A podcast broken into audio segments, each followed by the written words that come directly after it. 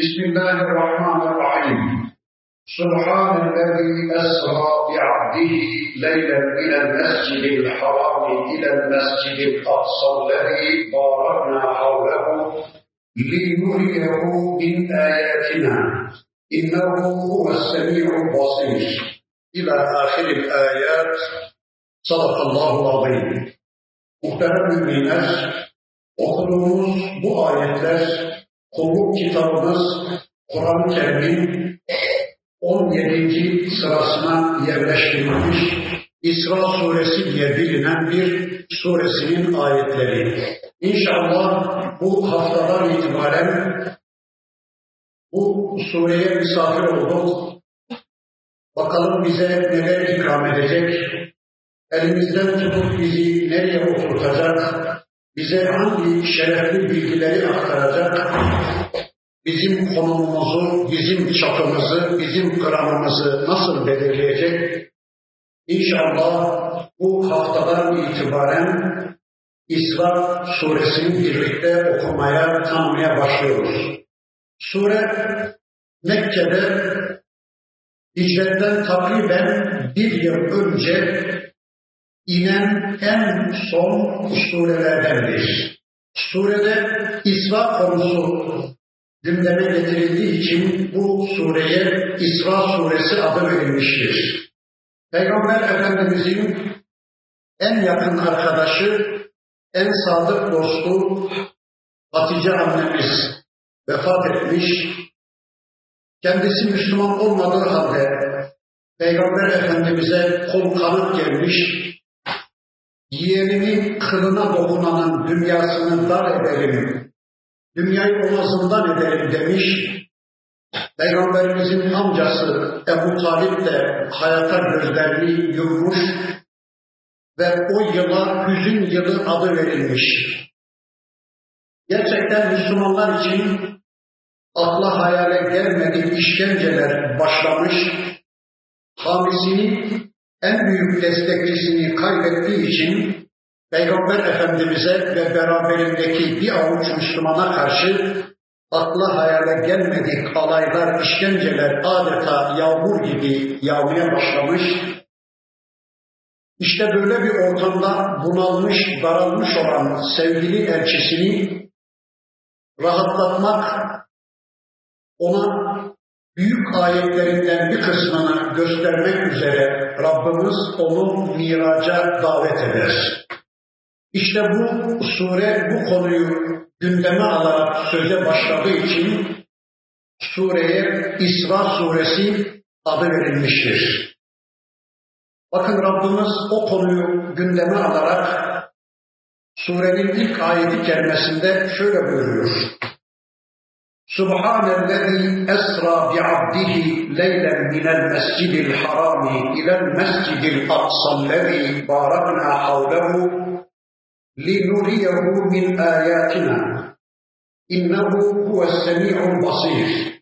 Kulunu sevgili elçisini bir gece mescidi haramdan alıp etrafını mübarek kıldığı etrafını bereketli kıldığı Mescid-i Aksa'ya yürüten, orada kuluna bir kısım ayetlerini gösteren Allah'ın şanı çok yücedir.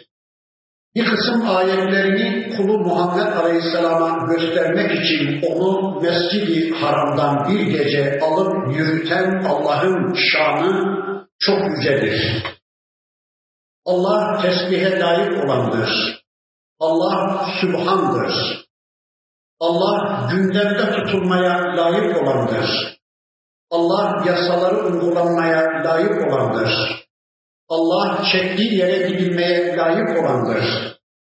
Bakın Rabbimiz işte suresinin başında kendisinin tesbih edilmesini istiyor. Ey Müslümanlar sizler de Subhanallah deyin. Allah'ı tesbih edin. Allah'ı gündemde tutun, Allah'ın yasalarını uygulayın. Çünkü göklerde ve yerde tesbih edilecek Allah'tan başka bir varlık yoktur. Allah Sübhan'dır. Allah tüm 90 sıfatlardan münezzehtir. Allah tüm kemal sıfatlarla muttasıftır. Allah kullarına benzetilmemelidir. Ona noksanlık izafe edilmemelidir. Allah tesbih edilmelidir. İşte Allah böylece kendisinin gündeme alınmasını, tesbih edilmesini istiyor ve böylece kulunu bir gece yolculuğuna çıkarıyor. İsra gece yolculuğu demektir.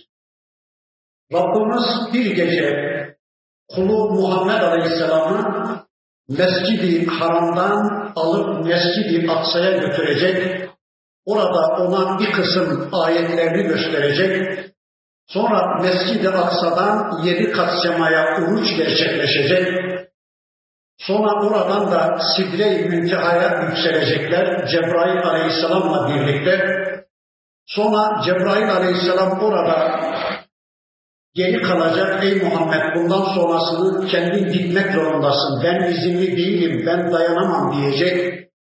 Allah'ın Resulü daha da yücelere yücelecek, daha da yüce şereflere erişecek. Orada Allah'la bizzat konuşacak. Allah onunla aracısız konuşacak. Allah'ın kelam sıfatına mazhar olacak Sonra orada Allah'ın bir kısım ayetlerini görecek sevgili Peygamberimiz. Cenneti görecek, cehennemi görecek. Allah'ın rububiyet ve uluhiyetine dair, Allah'ın egemenlik ve saltanatına dair bir kısım ayetlerini görecek. Sonra işte şu anda Mekke'deki kötü havaya rağmen çok yakında kendisini iyi günlerin beklediği müjdesiyle Allah'ın Resulü moralle dop dolu olarak, şerefle dop dolu olarak tekrar Mescid-i Aksa'ya dönecek. Oradan da Mescid-i Haram'a dönecek. Böylece Rabbimiz elçisini böyle yüce bir miraca mazhar kılacak.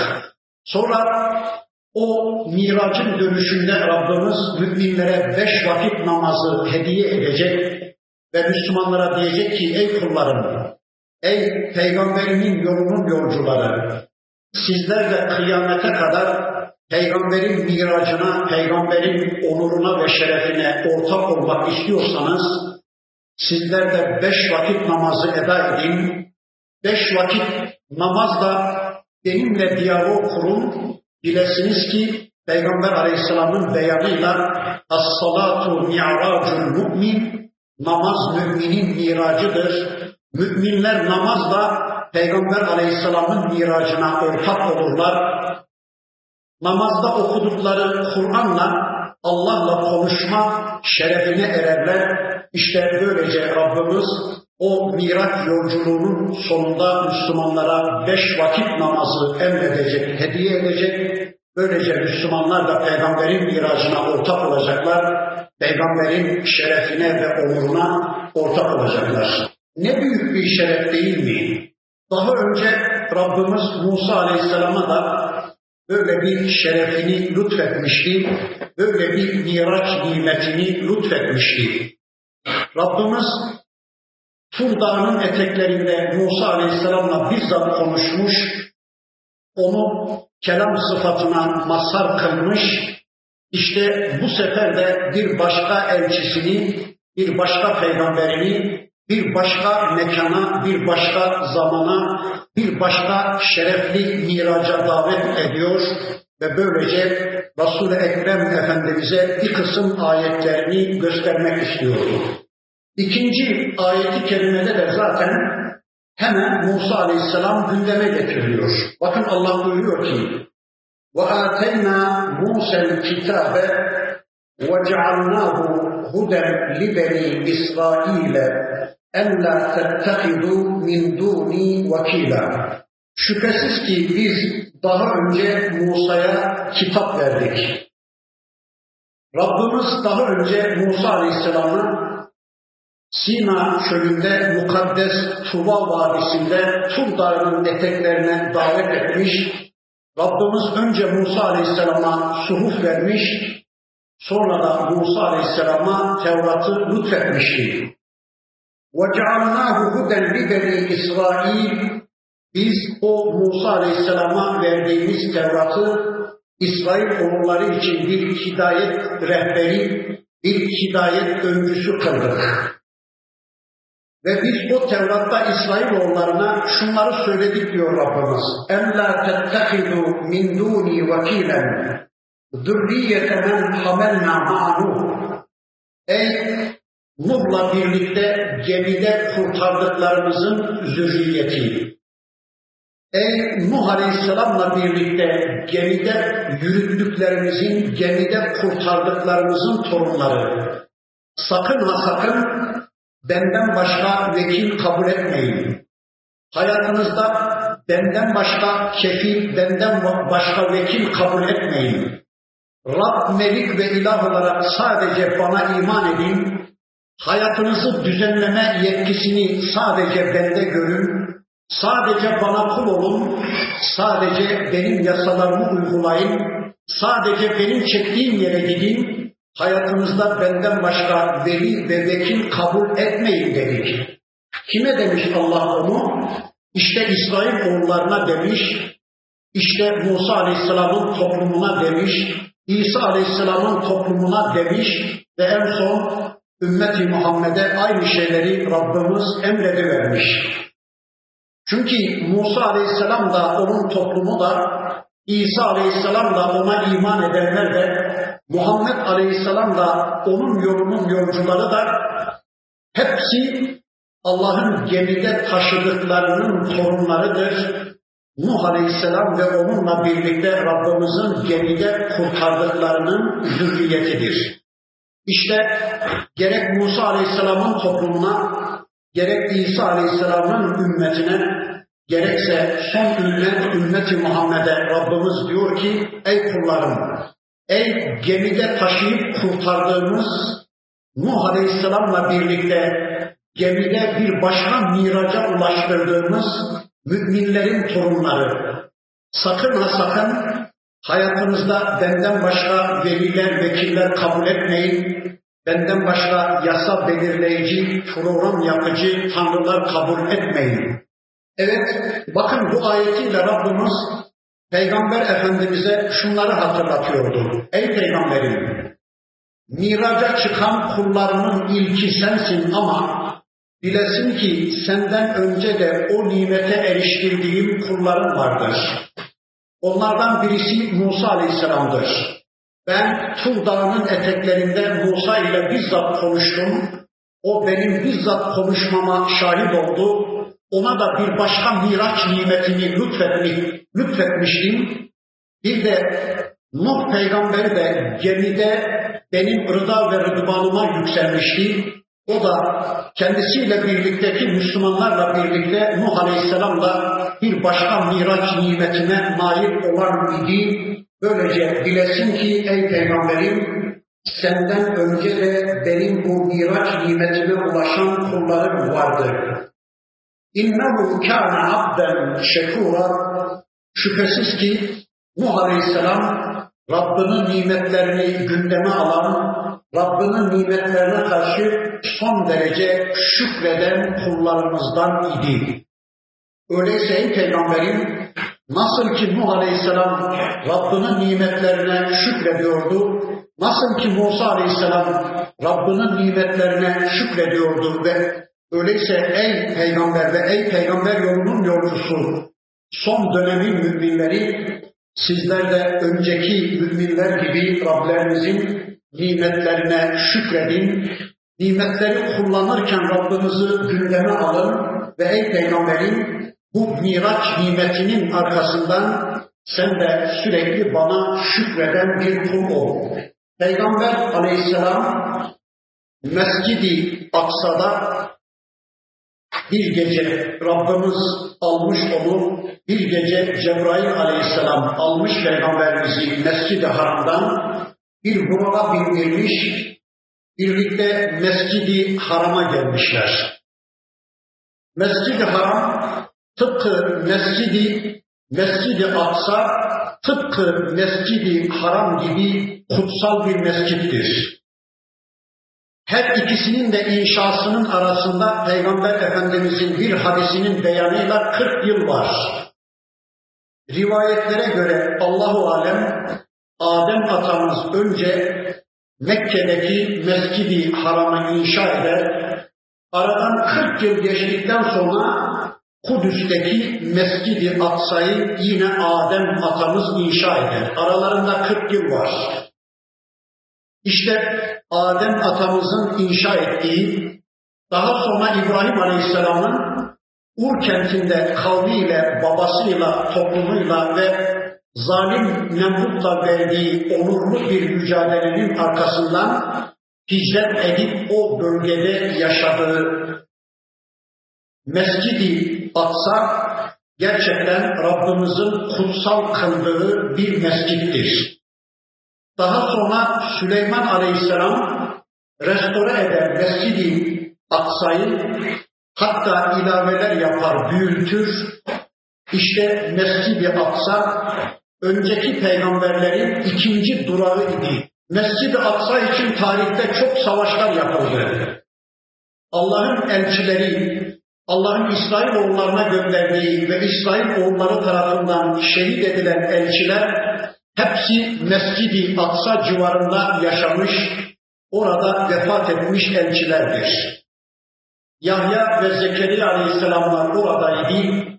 İsa aleyhisselam orada peygamberlik göreviyle görevlendirilmiş idi. Peygamber Efendimizin bir hadisinin beyanıyla sefer yapılmaya değer üç mescit var yeryüzünde. Yani bir Müslümanın sefer düzenlemesine değecek üç mescit var yeryüzünde. Onlardan birisi Mekke'deki Mescid-i Haram, ikincisi Kudüs'teki Mescid-i Aksa, üçüncüsü de Medine'deki Mescid-i Nebevi. Peygamber Aleyhisselam ilk hadislerinde öyle buyuruyor. Şu anda Peygamber Efendimiz Mescid-i Aksa'da Cebrail Aleyhisselam Peygamber Aleyhisselam'a Mescid-i Aksa'da bir bardak şarap, bir bardak da süt ikram eder. Allah'ın Resulü şarabı değil de sütü kabul eder. Cebrail Aleyhisselam buyurur ki, tebrik ederim ey Muhammed. Sen gerçekten iyi olanı, fıtrata uygun olanı tercih ettin der. Sonra Allah orada Peygamber Efendimiz'e bir kısım ayetlerini gösterir. Sonra Allah'ın Resulü bütün peygamberlerin önüne geçip orada iki rekat namaz kıldırır. Sonra Cebrail aleyhisselamla birlikte gökyüzüne uruç başlar. Yedi kat semaya yükselirler. Semanın her bir katında Allah'ın Resulü peygamberlerle buluşur, görüşür, konuşur, tanışır. Sonra sidre-i münteha, sonra daha da yücelere çıkar, Allah'ın şerefli makamlarına ulaşır. Orada Rabbimizin uluhiyet ve rububiyetine ait, Rabbimizin egemenlik ve saltanatına ait bir kısım ayetlerini görür ve Peygamber aleyhisselam geri döner. İşte bu bölümde Rabbimiz bize bunu anlattı. Bundan sonra bakın İsrail oğullarına bir sesleniş gelecek. Az evvel de ifade ettiğim gibi bu sure Mekke'de geliyordu ve İsrailoğulları yani Yahudiler Mekke'de pek yoktu. Onlar Medine'de yerleşmişler, onlar Hayber civarında yerleşmişlerdi İsrailoğulları. Ama bir yıl sonra Peygamber aleyhisselam Medine'ye hicret buyuracak. Peygamber aleyhisselama iman eden Müslümanlar Medine'ye hicret buyuracak ve Yahudilerin ayaklarına kadar gelecekti bekledikleri peygamber. İşte şimdiden hicretten bir yıl önce Rabbimiz surenin bu ayetinde yavaş yavaş İsrail oğullarına Yahudilere seslenmeye başlıyor ki haberdar olsunlar, bekledikleri peygamberin Mekke'de zuhur ettiğinin farkına varsınlar diye, kulak kabarsınlar diye yavaş yavaş Rabbimiz surenin bu bölümünde Medineli Yahudilere yani İsrail oğullarına seslenmeye başlıyor. Bakın Allah şöyle buyuruyor. وَقَضَيْنَا اِلَى بَنِي İsrail fil kitabi. Biz kitapta İsrail oğullarına şunu hükmettik, şunu yasa olarak belirledik. Hangi kitapta? Allahu alem ya Tevrat'ta ya Kur'an'da ya da levh-u mahfuzda yahut da onların kaderinde Allah İsrailoğullarının kaderinde Allah şöyle bir yazdı, yazmış, şöyle bir kader tespit etmiş, şöyle bir yasa belirlemiş. Neymiş o yasa? لَتُفْسِدُنَّ فِي الْأَرْضِ مَرَّتَيْنِ Ey İsrailoğulları, sizler yeryüzünde iki kere bozgunculuk yapacaksınız. Yeryüzünde iki kere itaatten ve bana kulluktan çıkacaksınız. İki kere isyan içinde bir hayatın adamı olacaksınız. وَلَتَعْلُمْنَ عُلُوًا كَب۪يرًا Ve iki kere kibirlendikçe kibirlenecek, yükseldikçe yükselecek, kabardıkça kabaracak, bize itaatten, bize kulluktan çıkacaksınız. Ayetlerin tümünü okuduktan sonra inşallah söyleyeceklerimizi söylemeye başlayalım. فَاِذَا وَعْدُ اُولَاهُمَا O iki vaatten birincisi geldiği zaman hani iki kere yoldan çıkacaksınız, iki kere bozgunculuk yapacaksınız demişti ya Rabbimiz. İşte o iki kere bozgunculuktan birincisi geldiği zaman فَاِذَا جَاءَ وَعْدُ اُولَاهُمَا Onlardan birincisi geldiği zaman بَعَثْنَا عَلَيْكُمْ عِبَادًا لَنَا اُلِي بَأْسٍ شَد۪يدٍ Biz de sizden intikam almak için, sizin burunlarınızı yere sürtmek için güçlü kuvvetli orduları sizin üstünüze göndereceğiz de. Ve casu hılalet diyar o ordular sizin ülkenize girerler sizin evlerinize kadar girerler. Orada sizi arayıp bulurlar. Böyle sinek toplar gibi sizi arayıp bulurlar araştırırlar sizi cezalandırırlar وَكَانَ وَعْدًا مَفْعُولًا İşte bu bizim tarafımızdan gerçekleşmesi kesin olan bir vaattir, bir yazgıdır, bir yasadır. Evet anlatılan şu, biraz sonra detayını anlatacağım da, ey İsrailoğulları siz hayatınızda iki kere itaatten çıkacak, bana kulluktan çıkacak, kibirlendikçe kibirlenecek, yükseldikçe yükselecek, bozgunculuk yapacaksınız. İşte onlardan birincisini gerçekleştirdiğiniz zaman, yani birinci isyanınızı, birinci bozgunculuğunuzu gerçekleştirdiğiniz zaman, ben sizden intikam almak için üstünüze güçlü kuvvetli ordular göndereceğim. Onlar sizin şehirlerinize, evlerinize girecekler. Sizi birer birer evlerinizin içinden toplayacaklar ve sizi öldürecekler, sizi sürecekler. ثُمَّ رَدَدْنَا لَكُمُ الْكَرَّةَ aleyhim sonra düşmanlarınıza karşı ben size tekrar yardım edeceğim. Sizler bana kulluğa yönelince o isyanlarınızı, o kibirlenmenizi, o bozgunculuklarınızı bırakıp bana kulluğa dönünce, tövbe edince ben de sizi tekrar destekleyecek, sizi gündemine alacak, size güç ve kuvvet verecek, düşmanlarınıza karşı sizi tekrar üstün bir konuma, galip bir konuma getireceğim. وَاَمْدَدْنَاكُمْ بِاَمْوَالٍ وَبَنِينَ Size mallar ve oğullar vereceğim. Yani size ekonomik ve siyasal güç vereceğim, size ekonomik ve askeri güç vereceğim, sizi tekrar yeryüzünde güçlü bir konuma getireceğim. وَجَعَلْنَاكُمْ اَكْثَرَ نَف۪يرًا sizin neferinizi, sizin ordunuzu, sizin gücünüzü, sayınızı da artıracağım.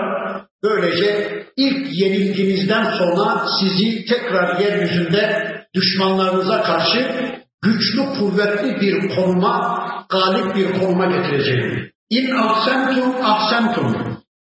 Eğer siz iyilik ederseniz bilesiniz ki iyiliğiniz kendinizedir.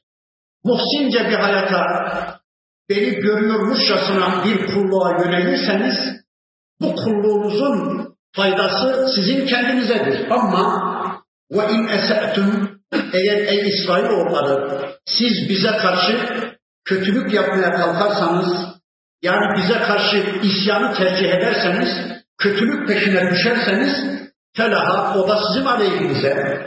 Yani iyiliğiniz de sizin için, kötülüğünüz de sizin için. فَاِذَا جَاءَ وَعْدُ الْآخِرَةِ O sözünü ettiğim iki vaatten sonuncusu yani ikincisi geldiği zaman yani ikinci defa isyan içine girdiğiniz zaman ikinci defa bana kulluğu terk edip bozgunculuk içine düştüğünüz zaman لِيَسُوءُ وُجُوهَكُمْ Sizin yüzlerinizi kedere boğmak için, yüzlerinizi simsiyah hale getirmek için وَلِيَدْخُلُوا الْمَسْجِدَ كَمَا دَخَلُوهُ اَوَّلَ مَرَّةٍ Ve ilk defa mescide girdikleri gibi, ilk defa Kudüs'e girdikleri gibi, ilk defa Mescid-i Aksa'ya girdikleri ya da evlerinize kadar girip sizleri araştırıp yakalayıp öldürdükleri gibi bir başka orduyu ben sizin üzerinize göndereceğim. Bir başka imparatoru ben size musallat kılacağım. Tekrar girecekler. ikinci defa sizi öldürecekler. Ve liyutebbiru ma alel tedbira. Böylece ülkenizde taş taş üstünde bırakmayacaklar. Ülkenizde ele geçirdikleri her yeri yerle bir edip harap edecekler. Bakın Rabbimiz İsrailoğullarının önceki tarihiyle alakalı bize bir bilgi aktarıyor. Konu ne? Bakın konu şu. Dönem hangi dönem tam olarak bilmiyoruz. Allahu alem diyoruz. Allah bilir diyoruz. İsrailoğulları tarihlerinde iki kere kulluktan çıkmışlar. iki kere Allah'a isyanı tercih etmişler. iki kere suçlu bir konuma düşmüşler Allah da iki kere onların burnunu yere sürmüş, yeryüzünün güçlü kuvvetli ordularını iki kere onların üzerine musallat kılmış ama sonra pişman olmuşlar. İki kere de Allah onlara destek verip düşmanlarına karşı onları galip getirmiş. Peki hangi dönemdi? İşte ben o dönemle alakalı, o bilgilerle alakalı şöyle kısa bir tarihi bilgi vereyim. Önce bir İsrailoğullarını tanıyalım. Gerçi önceki derslerimizde de söyledik ama yeri gelmişken bir daha söylemek zorundayım. İsrailoğulları Yakup oğulları demektir. Yakup Aleyhisselam'ın Kur'an'daki bir başka ismi de İsrail'dir. İsrail oğulları da Yakup oğulları demektir. Kaç tane oğlu vardı Yakup Aleyhisselam'ın? Yusuf'la birlikte 12 oğlu vardı. Yakup Aleyhisselam 12 oğluyla birlikte Filistin bölgesinde bir hayat yaşayıp dururken oğulları Yusuf suresinde de gördüğümüz gibi Yusuf'u, kardeşleri Yusuf'u kuyuya atarlar. Yusuf Aleyhisselam Mısır'da köle olarak satılır. Sonra Aziz'in evinde büyür. Yusuf Aleyhisselam Aziz'in karısıyla bir imtihanları söz konusu olur. O imtihandan alın akıyla çıkan Yusuf Aleyhisselam sonra bir süre zindana gönderilir. Bir sürelik zindan hayatından sonra kral bir rüya görür. Hiç kimse kralın rüyasının içinden çıkamaz. Peygamberlik bilgisiyle, nübüvvet ve risalet bilgisiyle o rüyayı Yusuf Aleyhisselam yorumlar ve Yusuf Aleyhisselam'dan zindandan çıkar Kral Müslüman olur. Ey Yusuf ülken ülkendir. Tacım tacındır, tahtım tahtındır. Askerim askerimdir, devletim devletimdir, gücüm gücümdür de tüm yetkilerini Yusuf Aleyhisselam'a devreder ve Allah'ın elçisi Yusuf Aleyhisselam Mısır'a sultan olur. Baba Yakup Aleyhisselam, anne ve diğer kardeşleri, bütün akrabaları Filistin bölgesinden Mısır'a hicret ederler Yusuf Aleyhisselam'ın ülkesine hicret ederler ve o tarihten itibaren Mısır'da Müslümanların yani İsrailoğullarının yani Yakup oğullarının egemenliği başlar. 600 yıl Müslümanlar Yakup oğulları Mısır'da egemen olurlar. O gün tüm dünya Mısır'dan yönetiliyor. Mısır'da saraydan yönetiliyordu. Sarayda da Müslümanlar vardı. Yönetimde İsrailoğulları vardı. 600 yıl bütün dünya gerçekten adil bir sistem görür. Bütün dünya dengeli, muazeneli bir hayat yaşar. 600 yılın sonunda Firavun oğulları bir desiseyle, bir hileyle Mısır'da iktidarı ele geçirirler ve İsrail oğullarını yani Müslümanları köleleştirirler. 400 yılda Müslümanların Mısır'da kölelik serüveni başlar. Firavun ve Firavun oğulları, Firavun sistemi Müslümanlara öylesine işkence eder, öylesine zulmeder ki bu 400 yıllık bir süreç içinde Müslümanların ne imanları kalır, ne dinleri, ne şahsiyetleri, ne kimlikleri, ne namusları, ne iffetleri, her şeylerini kaybeder Müslümanlar ve bir kurtarıcı beklemeye başlarlar. Allah onlara kurtarıcı olarak bir Musa peygamberi gönderir. Musa aleyhisselam Firavun oğullarıyla uzun bir davet kavgasından, mücadelesinden sonra bir de bu arada İsrail oğullarını da uzun süre ikna çabasından sonra ikna eden İsrail oğullarını bir gece onları alır, Mısır'ı terk ederler. Firavun bir ordu hazırlar, onların peşine takılır. Nihayet Kızıl Deniz'e gelir Müslümanlar, önde deniz, arkada Firavun ve ordusu, telaşlanır Müslümanlar, Musa Aleyhisselam durun der. Bu emri bana veren Rabbim asla bizi onlara mahkum etmeyecekler. Bismillah deyip asasını denize vurur. Deniz yarılır, kupkuru bir yol oluşur. Müslümanlar ve beraberindeki Musa Aleyhisselam sağ salim karşı tarafa geçerlerken Firavun ve ordusu denizde boğulur. Böylece bakın bin yıl önce Yusuf peygamber sebebiyle Mısır'a hicret eden, Mısır'da 600 yıl egemenlik, 400 yılda kölelik hayatı yaşayan Müslümanlar böyle bir yay çizerek tekrar geldikleri ata yurdu, İbrahim Aleyhisselam'ın yurdu, İshak Aleyhisselam'ın yurdu, Yakup Aleyhisselam'ın ve Yusuf Aleyhisselam'ın yurdu olan Filistin bölgesine tekrar bin yıl sonra Müslümanlar geri dönerler. Bakın Filistin'e yani Kudüs'e yaklaştıklarında Allah Musa Aleyhisselam'a şunu emreder. Ey Musa ben Müslümanlara şu bereketli toprakları Kudüs ve civarını Filistin bölgesini vaat ettim.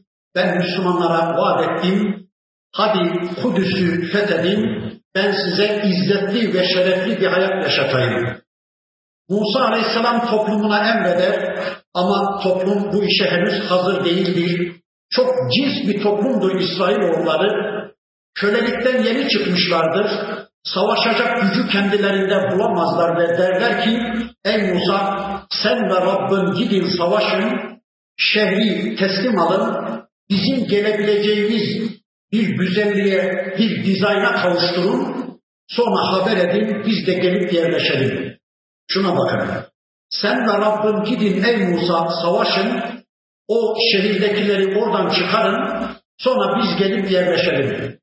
Tıpkı bugünkü Müslümanların, bu mescitler kimi Müslümanların, efendim bu mescitler namaz kılmaya layık değil. Müslümanlardan bir kısmı birileri mescitleri bir düzenlesinler, bir dizayn etsinler, bizim girebileceğimiz duruma getirsinler, biz de ondan sonra gelip onlarda namaz kılalım. Kim yapacak bunu? Bu İsrail oğullarının tavrıdır. Yani birileri yapsın, birileri düzenlesin, dizayn etsin, biz ondan sonra gelelim derseniz, sittin sene bekleseniz, bin sene bekleseniz kim düzeltecek? Ya siz düzelteceksiniz. Eğer şu anda o mescitler namaz kılınamayacak durumdaysa, e siz düzeltin. Siz düzeltin de hiç olmazsa mescitler güzel bir cemaat görsün. Niye kaçıyorsunuz? Niye birilerinden bekliyorsunuz? Neyse bu antiparantez bir cümleydi. Geçtik orasını. Savaşı göze alamaz İsrailoğulları. Allah da onları 40 yıl Kih sahrasında başıboş bir vaziyette, vatansız, evsiz, barksız bir vaziyette cezalandırdı. 40 yıl onları Kih çölünde gezdirip dolaştırıverdi. Aradan 40 yıl geçti. Birinci nesil vefat etti. Yani Mısır'dan gelen nesil vefat etti. İkinci nesil çölde dünya geldi. Onlar Mısır'ı görmemişti. Onlar Firavun'u hiç görmemişti. Çölde dünya geldiği için onlar özgürce dünya gelmiş. Ama Musa Aleyhisselam vefat etmişti bu arada. Harun Aleyhisselam da vefat etmişti bu arada. Yuşa Aleyhisselam peygamberdi. İşte ikinci nesil o çölde dünya gelen özgür nesil Yuşa Aleyhisselam'la birlikte Filistin bölgesini fethetti, Kudüs'ü fethettiler. Böylece İbrahim Aleyhisselam döneminde, daha önce Adem Aleyhisselam döneminde işlevini yürüten Mescid-i Aksa'yı tekrar eski işlevine döndürdüler. Tekrar ibadete açtı İsrailoğulları, Müslümanlar tekrar Mescid-i Aksa'da tekbir sesleri yükseldi. Böylece bakın Müslümanlar o bölgeye hakim oldular. Uzun yıllar Müslümanlar o bölgede Müslümanca bir hayat yaşadılar. Bakın işte Allah'ın haber verdiği birinci yoldan çıkma dönemi geldi. Yahudiler Allah'ı ve peygamberi unuttular. Kitaplarıyla ilişkilerini kestiler. Peygamberleriyle diyaloglarını kestiler. Tamamen Allah'a kulluktan çıktılar. İsyan içinde bir hayatın adamı oldular. Kibirlendikçe kibirlendiler. Yükseldikçe yükseldiler. Böylece yeryüzünde ilk bozgunculuklarını gerçekleştirdi ve Cenab-ı Hak da onların üzerine Babil kralı Buhtun Nasır'ı gönderi verdi. Buhtun Nasır Kudüs'e girdi, Mescid-i Aksa'ya girdi, evlerine girdi, İsrailoğullarını, Müslümanları birer birer evlerinde yakaladı, yarısından fazlasını şehit etti, kılıçtan geçirdiği Buhtun Nasır Geri kalan kısmını da köle olarak tüm dünya pazarlarına dağıtıverdi, satıverdi, sürgüne gönderiverdi. Bakın İsrailoğulları, o Müslümanlar böylece yeryüzünde ilk bozgunlarını yaşadılar. Allah'a kulluktan çıktıkları için, Allah'a itaatten çıktıkları için Allah da onları böylece buhtun nasırla cezalandırıverdi. Uzun süre bir sürgün hayatı yaşadılar. Kadın kocasından, koca karısından, baba evladından, evlat babasından, kardeş kardeşinden ayrı kaldı. Böyle bir sürgün hayatı yaşadılar. Sonra toparlandılar. Allah diyor ya, siz bize kulluğa dönerseniz biz de size yardım edeceğiz diyor ya Rabbimiz. Döndüler Allah'a, yalvarıp yakardılar. Yanlarında işlerinde bir peygamber var. O peygamberin adını söylemiyor Rabbimiz. Ona gelip dediler ki ey peygamber ne olur Allah'a yalvarıp yakarsan da Allah bize bir komutan tayin etse biz de o komutanın komutasında savaşıp şu Kudüs'ü şehrimizi tekrar geri alsak, çoluk çocuğumuza, eski izzetli ve şerefli hayatımıza yeniden kavuşsak dediler. O peygamber dedi ki yapmayın etmeyin.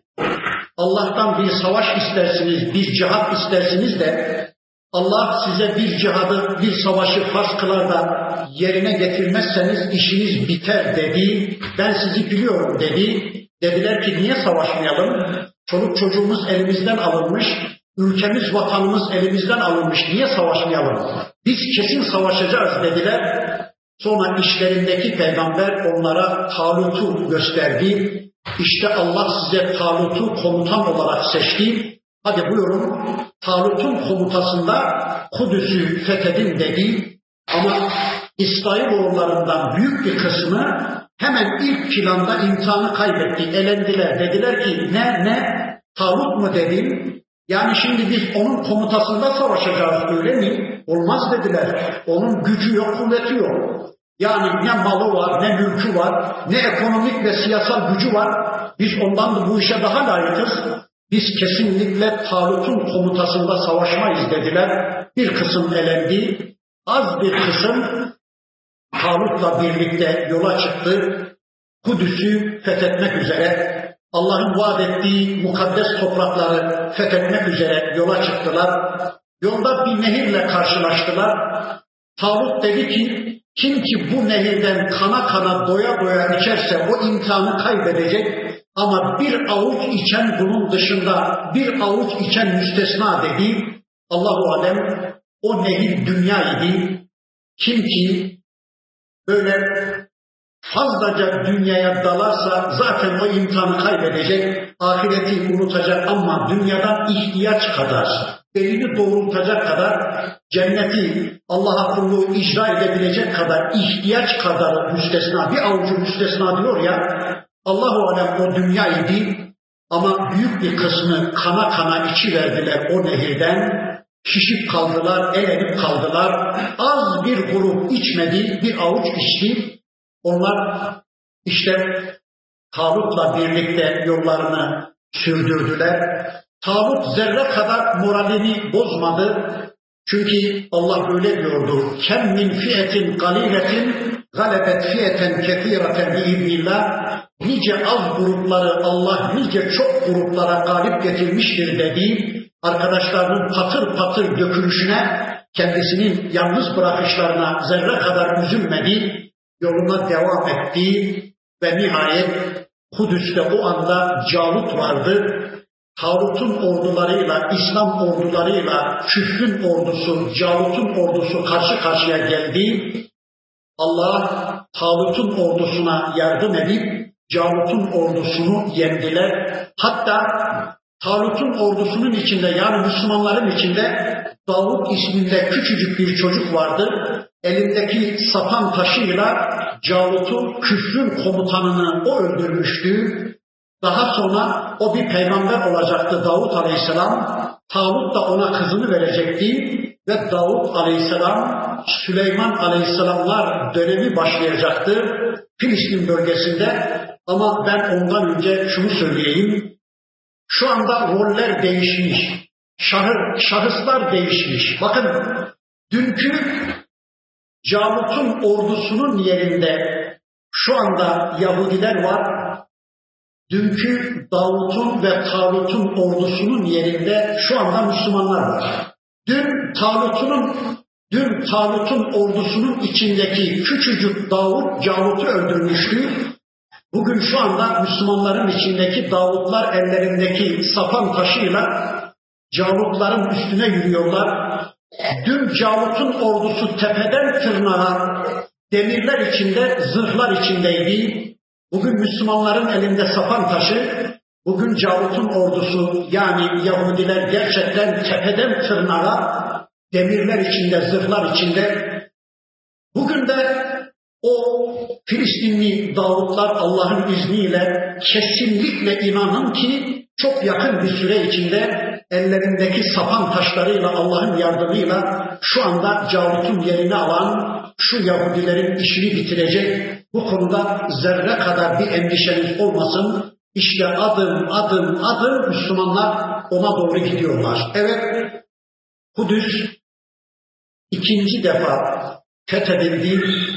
Davut ve Süleyman Aleyhisselamlar döneminde Müslümanlar gerçekten o bölgede çok izzetli ve şerefli bir hayat yaşadılar.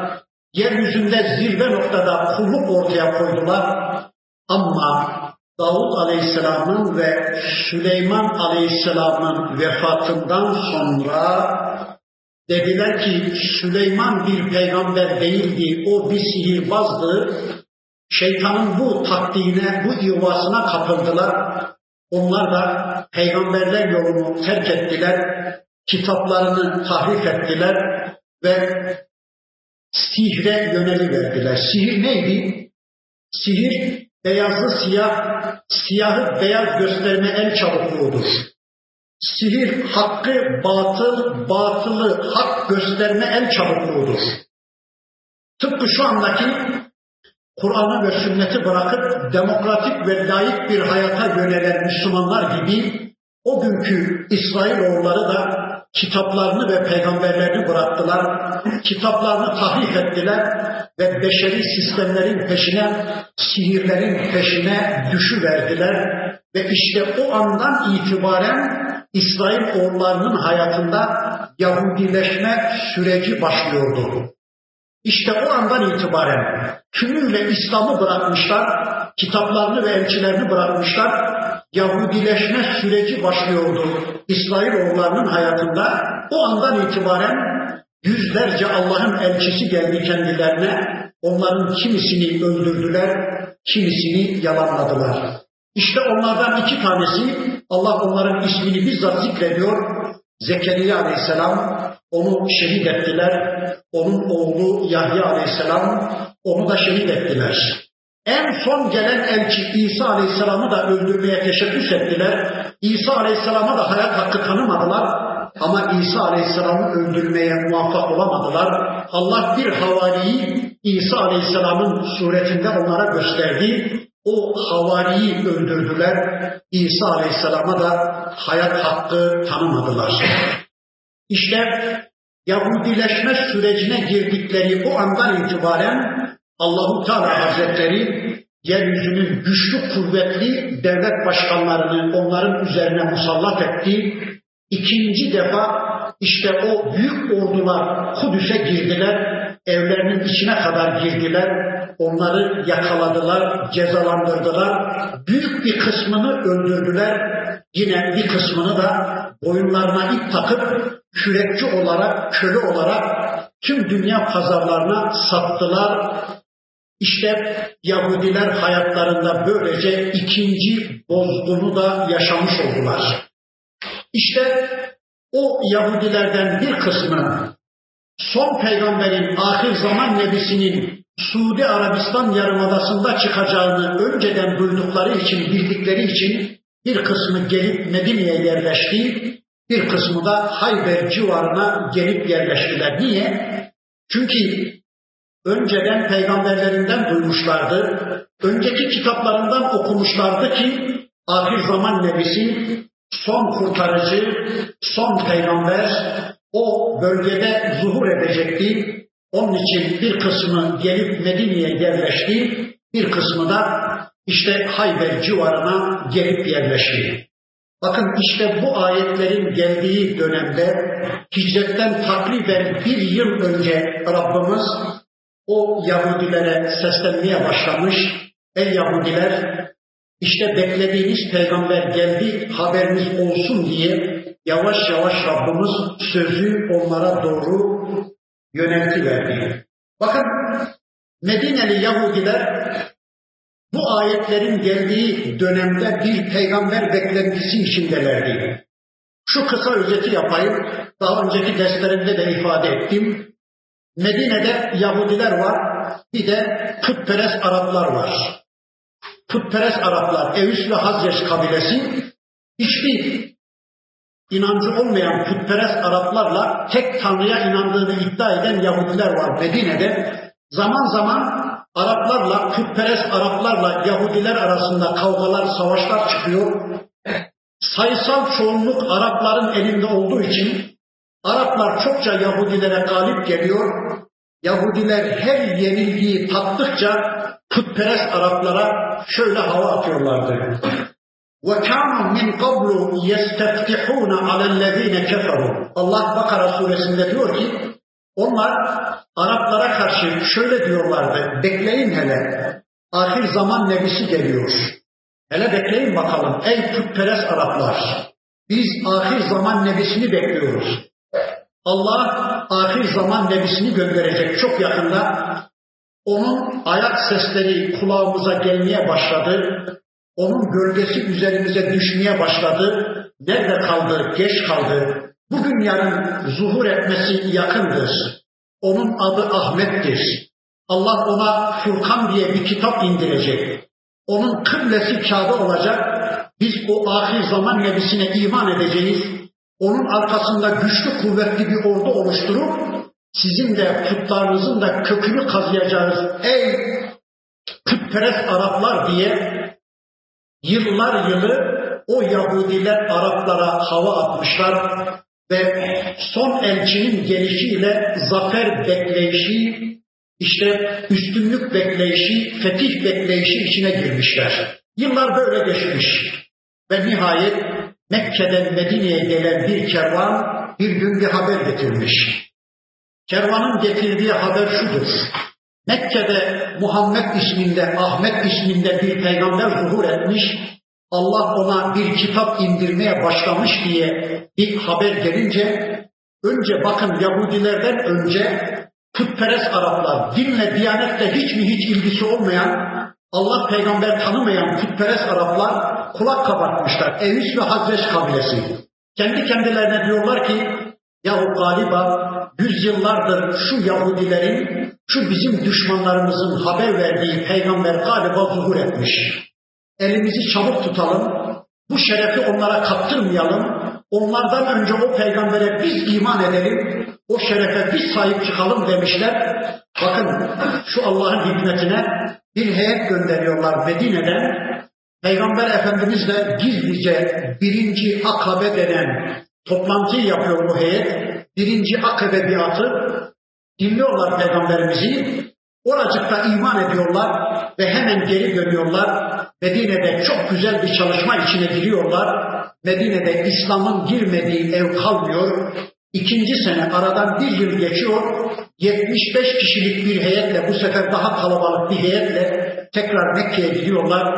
İkinci akabe biatını gerçekleştiriyorlar ve Peygamber Aleyhisselam'a diyorlar ki ya Resulallah Medine'yi biz size hazır hale getirdik. Medine bir İslam şehrine dönüştü. Medine hicrete hazırdır. Kavminiz size iyi davranmıyor ey Allah'ın Resulü. Başımızın üstünde yerin var. Buyur Medine'ye Müslümanlarla birlikte diye o heyet Müslümanlar Peygamber Aleyhisselam'ı Mekke'li Müslümanları Medine'ye davet eder. Bakın Yahudiler iman etmezler.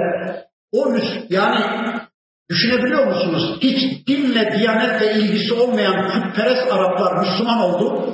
Ama yüzyıllardır o son peygamberi, ahir zaman nebisini bekleyen Yahudiler iman etmediler. Bakın Allah Bakara suresinde diyor ki فَلَمَّا جَاءَهُمْ مَا عَرَفُوا كَفَرُوا بِهِ o bildikleri, bekledikleri peygamber gelince ma arafu, bildikleri, avuçlarının içini bildikleri gibi o son peygamberi biliyorlardı.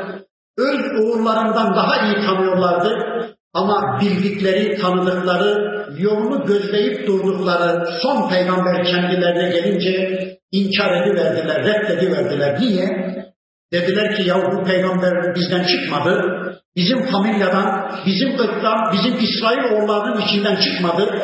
Allah o elçisini bizden değil de ümmilerden seçti, Araplardan seçti. İnanırsa ona Araplar inansın. Biz ona iman etmek zorunda değiliz deyiverdiler. Bir ırkçılık yaptılar.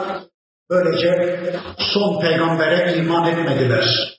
Bakın son fırsatı kaçırdılar. Yahudi ve Hristiyanlar son kitaba iman etmeyenler, son peygambere iman etmeyenler aslında kendi kitaplarına da samimi olarak iman etmediklerini, kendi peygamberlerine de samimi olarak iman etmediklerini böylece ortaya koydular. Bakın eğer bu adamlar kendi kitapları olan Tevrat'a ve İncil'e samimiyetle iman etmiş olsalardı, yani Allah'ın yeryüzüne program gönderdiğine, vahiy gönderdiğine, Allah'ın insan hayatına karıştığına, Tevrat'ı ve İncil'i bunun için gönderdiğine samimiyetle iman etmiş olsalardı, şimdi de aynı kaynaktan gelen bu son kitaba iman etmek zorunda kalırlardı değil mi? Eğer kendi peygamberlerine samimiyetle iman etmiş olsalardı, Allah yeryüzünde elçi seçer.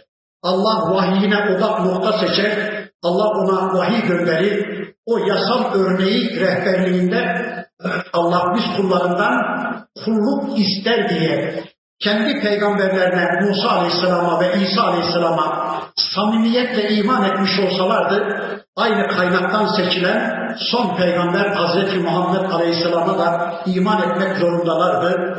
İşte onlar son kitaba inanmamakla, son peygambere iman etmemekle aslında kendi kitaplarına da samimiyetle inanmadıklarını, kendi peygamberlerine de samimiyetle inanmadıklarını ortaya koyuverdiler. Bakın Allah son seslenişini şöylece yapıyor. Asa Rabbukum umulur ki Rabbiniz en yerhamekum size merhamet eder. Ey Yahudiler! Umulur ki Rabbiniz size merhamet eder. Bakın benim size son mesajım, son çağrım. Gelin karşınıza son bir fırsat daha çıkardım. İşte benim peygamberim beklediğiniz ahir zaman nebisi Mekke'den Medine'ye hicret ediyor. Ayağınızın dibine kadar geliyor. Gelin bu son şansınızı kullanın. Gelin benim bu son seslenişime değer verin. Son peygamberime iman edin. Son kitabıma iman edin. Ve in uttum utna değilse bakın ifadenin güzelliğine eğer siz dönerseniz biz de döneriz. Ve in uttum utna siz dönerseniz biz de döneriz. Ne demek istiyor Allah? Siz eğer bize kulluğa dönerseniz tarihteki o aziz ve şerefli günlerinizi size göstermeye biz de döneriz. Siz eğer bize imana, bize kulluğa dönerseniz biz de size lütuflarda bulunmaya döneriz. Tarihteki aziz ve şerefli günlerinizi size yaşatmaya biz de döneriz. Ama ve in uttum utna yok eğer siz tekrar isyanlarınıza, küfürlerinize dönerseniz biz de tarihte sizin burunlarınızı sürttüğümüz günlere döneriz. O kralları, o büyük devletleri Mescid-i Aksa'nın üstüne gönderdiğimiz gibi evlerinize girip de sizi birer birer yakalayıp öldürdükleri günlere biz de tekrar döneriz Sizi cezalandırmaya biz de tekrar döneriz. وَجَعَلْنَا جَهَنَّمَ لِلْكَافِرِينَ hasira. Şunu unutmayın ki Allah diyor biz cehennemi insanlar için bir hapishane kıldık, kuşatıcı bir azap mahalle kıldık. Siz bilirsiniz ey Yahudiler. İsterseniz küfrü tercih edip cehenneme gidin, isterseniz imanı ve kulluğu tercih edip cennete gidin. İşte Rabbimiz bu suresinde İsrailoğullarına hitap etti ama aynı hitap bizim için de geçerli.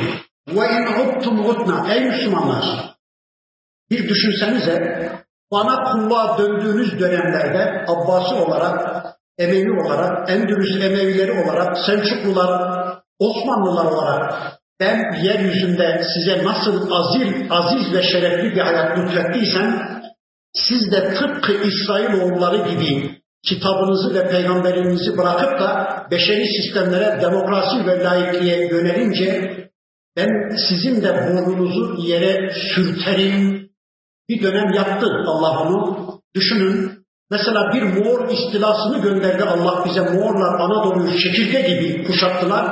Irzına geçilmedik bir tek Müslüman kadın kalmadı. Hatta tüm dünya tarihçileri artık İslam bitti. Bir daha yeryüzünde İslam'dan kimse, kimse söz edemez dedi. Böyle bir bozgunu Allah bize yaşattı. Sonra Müslümanların nefesiyle Moğol askerlerinin yarısından fazlası Müslüman oldu. Allah yeniden Müslümanlara güç kuvvet verdi. Sonra Haçlı seferleriyle bizim de burnumuzu yere bir sürttü Allah. Sonra yeniden bize güç kuvvet verdi. Öyleyse bu ayetler sadece İsrail oğullarına, Yahudilere hitap eden ayetler değil, aynı zamanda bize de seslenen ayetler. Şu Yahudilerin Peygamber Aleyhisselam'dan sonraki hayat serüvenlerini gelecek derse bırakmak ve önümüzdeki hafta kaldığımız yerden Rabbimizin öteki ayetlerini tanımak üzere tekrar bir araya gelmek üzere Allah'a emanet olun.